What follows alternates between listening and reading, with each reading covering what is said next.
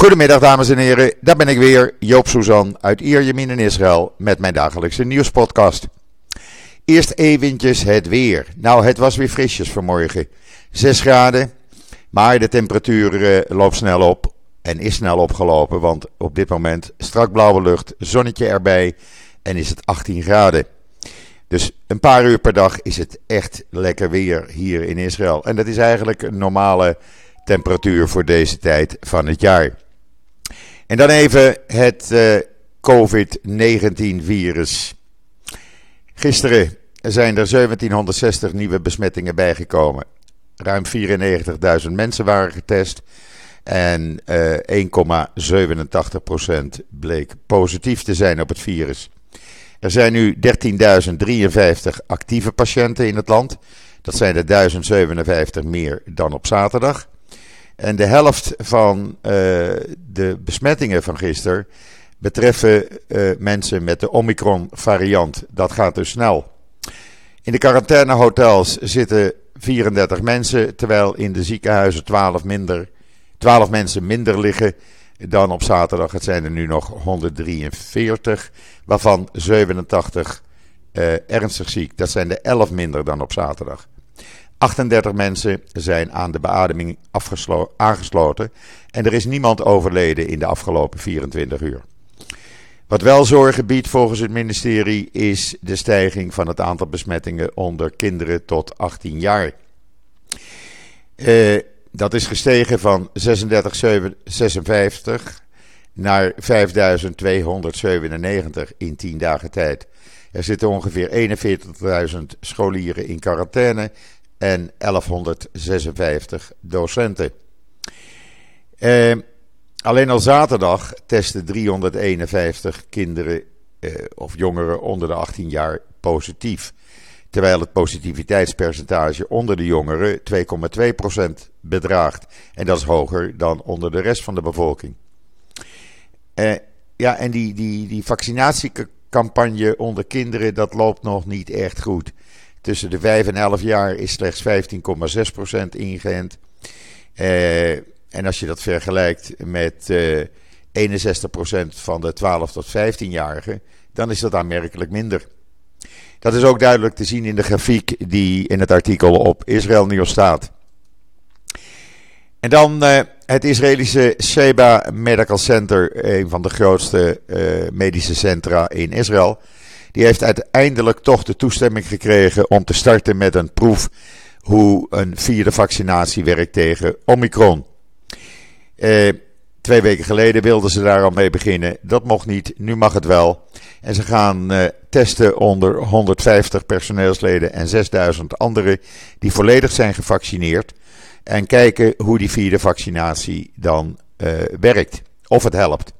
Het is het eerste onderzoek ter wereld. En uh, het is belangrijk voor de rest van de wereld, niet alleen voor Israël, maar voor de hele wereld eigenlijk. Want als blijkt dat het uh, een vierde vaccinatie werkt tegen Omicron, dan kan de rest van de wereld uh, daar ook op gaan besluiten. Dus erg goed dat ze het gaan doen. wat er wordt gedaan is dat het onderzoek zal het effect testen van de vierde vaccinatie op het niveau van antilichamen en op het voorkomen van besmetting uh, en daarnaast ook de veiligheid van de vaccinatie controleren. Dus ja, uh, laten we hopen dat daar goede berichten uitkomen. Uh, ondertussen is er wel een stijging van het aantal grieppatiënten in Israël. Dat blijft maar doorgaan. Dat zit nu boven de 1100. En als je dat vergelijkt met het aantal COVID-patiënten, is dat natuurlijk vele malen meer. Want er liggen dus ja, 143 COVID-patiënten in het ziekenhuis. Het komt voornamelijk doordat er eh, geen maskers, mondmaskers buiten op straat worden gedragen. Dat is alleen in publieke binnenruimte verplicht. En omdat slechts 17% van de bevolking zich heeft laten vaccineren tegen de griep. Ik moet u zeggen, ik heb hem wel gehad. Ik kreeg in september een belletje en ik heb dat gewoon gedaan. Eh, ik hoop, uh, ja, of men hoopt, de ziekenfondsen, dat veel mensen alsnog zullen gaan besluiten zich uh, te laten vaccineren. Nu ze weten dat je ermee in het ziekenhuis kan uh, komen. eigenlijk is dat, ja, men maakt daar wel een, hele toestand omheen. Maar we hebben het voordat COVID begon ook altijd gehad. Er waren altijd honderden mensen in het ziekenhuis. En er overleden veel mensen aan de griep.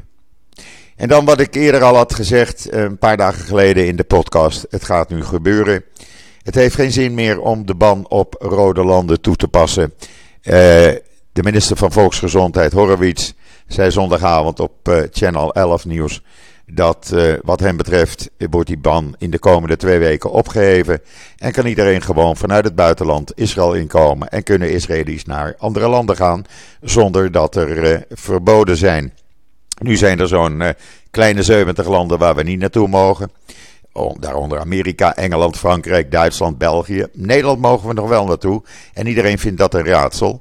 Maar goed, eh, binnenkort mogen we weer overal naartoe. En mag u Israël bezoeken. Wel natuurlijk onder de voorwaarde dat u zich laat testen. Zowel bij vertrek als bij aankomst. Maar het is goed, het heeft ook geen zin meer. Omicron is in het land. Het gaat de ronde en uh, ja, dan haalt zo'n ban gewoon niks meer uit. Gisteren uh, is er een uh, kabinetsvergadering geweest op de Golan. En daar is besloten dat het aantal bewoners van de Golan, dat ligt nu rond de 50.000, zal gaan verdubbelen in de komende jaren naar 100.000. Dat kost zo'n 350 miljoen. Er worden nieuwe gemeenschappen gesticht. Er worden uh, huidige dorpen uitgebreid. En ja, het is natuurlijk een ideale plek om te wonen. Je woont midden in de natuur. Uh, ja, het is gewoon fantastisch. Ik vind dat uh, een van de mooiste gebieden met de Negev-woestijn van Israël. En iedereen die er geweest is op de Golan, die begrijpt wat ik bedoel. 40 jaar geleden, ja, is de Golan, de Golanhoogte door Israël veroverd op Syrië. Syrië maakte daar altijd gebruik van om Israël, Israëlische steden en dorpen in de Galil te beschieten. Dat kan niet meer. Trump heeft gezegd: jongens, mijn zegen hebben jullie. Biden heeft eigenlijk hetzelfde gezegd. Dus wordt het tijd om nu die Golan te ontwikkelen en mensen daar te laten leven. Uh, Bennett was nog niet klaar met zijn uitleg of hij kreeg bericht dat zijn 14-jarige dochter besmet was met corona. En hij verliet onmiddellijk de vergadering, is naar huis gegaan, is met zijn gezin in quarantaine. Ze waren gisteravond allemaal getest, maar hij blijft uit veiligheidsoverwegingen nog twee dagen in quarantaine en laat zich vanavond of morgenochtend weer testen. En dan uh, in ander nieuws, Roman Abramovic, u weet wel de eigenaar van Chelsea, die ook de Israëlische nationaliteit heeft die heeft inmiddels de Portugese nationaliteit ook erbij gekregen. Gebaseerd op de wet op terugkeer. Want zijn voorouders blijken uit Portugal naar Rusland te zijn gegaan. Dus uh, is hij ook Portugees geworden. En dan uh, hebben online het concert wat gisteravond live werd uitgezonden. De documentaire over 85 jaar Israel Philharmonic Orchestra. Mocht u dat gemist hebben, u kunt de hele video zien op israelnieuws.nl. Uh, het was echt een fantastische uh, uitzending, moet ik zeggen. Want ze laten beelden zien waardoor blijkt dat in die 85 jaar het Israëlisch Philharmonic Orchestra eigenlijk verbonden is met de geschiedenis van de staat Israël. Uh, beelden van Leonard Bernstein, beelden die ik nog nooit had gezien van een optreden bij de Good Fans op de grens met Libanon in eind jaren 70, waarbij Libanezen aan de ene kant van de grens luisterden en de Israëli's aan de andere kant van de grens luisterden. Heel apart, heel bijzonder om even te gaan kijken. En dan kinderen uit Jeruzalem en uit de Emiraten, die hebben samen in uh, Dubai gewerkt aan het oplossen van problemen met water. Hoe, dat kunt u allemaal lezen op Israël Nieuws natuurlijk. En dan zijn er vandaag uh, ja, zijn er nieuwe beperkingen voor het winkelen in Israël ingegaan. Dat betekent uh, ja, mondkapjes, dat was al verplicht. Maar nu ook een groene pas als je een winkel in een winkelcentrum of op straat in wil die groter is dan 100 vierkante meter. Ook het personeel van die winkels moet een groen paspoort hebben. Uh, eetstalletjes, uh, afhalen van uh, eten kan alleen als je je groene pas laat zien. Geen zitplaatsen meer. Je kan niet meer in een van die restaurants gaan zitten. en dat duurt allemaal een dag of negen, zegt men. mensen die niet gevaccineerd zijn, kunnen wel het uh, winkelcentrum in of naar een apotheek, uh, naar de uh, drogist, naar winkels die medische of hygiënische middelen verkopen, supermarkten en dergelijke. Daar mag je allemaal in als je niet gevaccineerd bent. Ehm, ja, het maakt het even minder gezellig, maar als ik zo om een hoekje keek naar de mol hier bij mij op de hoek, dan is het nog net zo druk als anders. Ondertussen zijn er ook nieuwe beperkingen afgekondigd voor de scholen. Althans, laat ik zeggen, nieuwe regels. Eh, de groepen 7 tot 12 gaan eh, in eh, dorpen en steden waar een hoge infectie is. En minder dan 70% van de studenten of scholieren is gevaccineerd. Dan gaan de groepen van 7 tot 12 op afstand leren. Online dus. Er zitten, te veel kinderen, ik zei het net al, in quarantaine en men wil dat uh, gaan stoppen. Uh, en dat geldt dus voor alle uh, rode steden in Israël, en dat zijn er een tiental. En dan is er een Israëlische stewardess die kwam met een vrachtvlucht in China aan. En die bleek bij aankomst in Guangzhou uh, besmet te zijn met Omicron. Die hebben ze eruit gepikt en die zit nu in een Chinees uh, quarantaineziekenhuis. Nou, dat vindt Israël niet zo fijn. Die probeert er nu alles aan te doen door bijvoorbeeld vannacht een vrachtvlucht die daar naartoe gaat. Uh, als medische vlucht terug te laten gaan. En hopen ze dat China toestemming geeft dat die stewardess dus op die medische vlucht teruggaat naar Israël. Het is heel raar. De vrouw was twee keer getest voordat ze vertrok. Bleek, uh, bleek negatief te zijn. En dan bij aankomst ben je opeens positief. Zo snel zou het dus kunnen gaan. In ieder geval, ik hoop dat ze snel terug is. Want het lijkt me geen pretje als je daar als vrouw alleen in een Chinees quarantaineziekenhuis uh, moet zitten. En dan hebben we hier, ik noemde gisteren al de vogelgriep. Uh, en dat we dus uh, meer dan een half miljoen kippen al uh, ja, omgekomen zijn. maar er blijken nu ook 5000 wilde kraamvogels in de Gula-vallei besmet te zijn met de vogelgriep. En die zijn ook gedood. Daarnaast zijn er nog eens waarschijnlijk 10.000 mogelijke vogels besmet. Dat is niet goed. Want die kraanvogels die uh, blijven maar een tijdje hier. Daarna gaan ze naar Afrika. En komen dan later weer terug om door te vliegen in het voorjaar naar Europa. En dat, uh, ja, dat is niet goed. Dus men doet er alles aan om die vogelgriep in bedwang te krijgen. Maar of dat gaat lukken, uh, men heeft zijn bedenkingen. Even een slokje water, sorry. En dan Qatar en de Palestijnse leiders die zijn overeengekomen dat uh, de elektriciteitscentrale in Gaza wordt voorzien van Israëlisch aardgas. Uh, Qatar gaat voor 60 miljoen een uh, pijpleiding aanleggen die Israëlische gasinstallaties verbindt, dan met die elektriciteitscentrale in Gaza, zodat ze dus altijd stroom hebben in plaats van constant stroomonderbrekingen doordat er geen olie meer is. En het is ook nog eens een keer schoner. Ook de Hamas is ermee akkoord gegaan. Dus ja, dat valt weer allemaal mee. Zo zie je maar. Eh, er mag dan eh, spanningen zijn.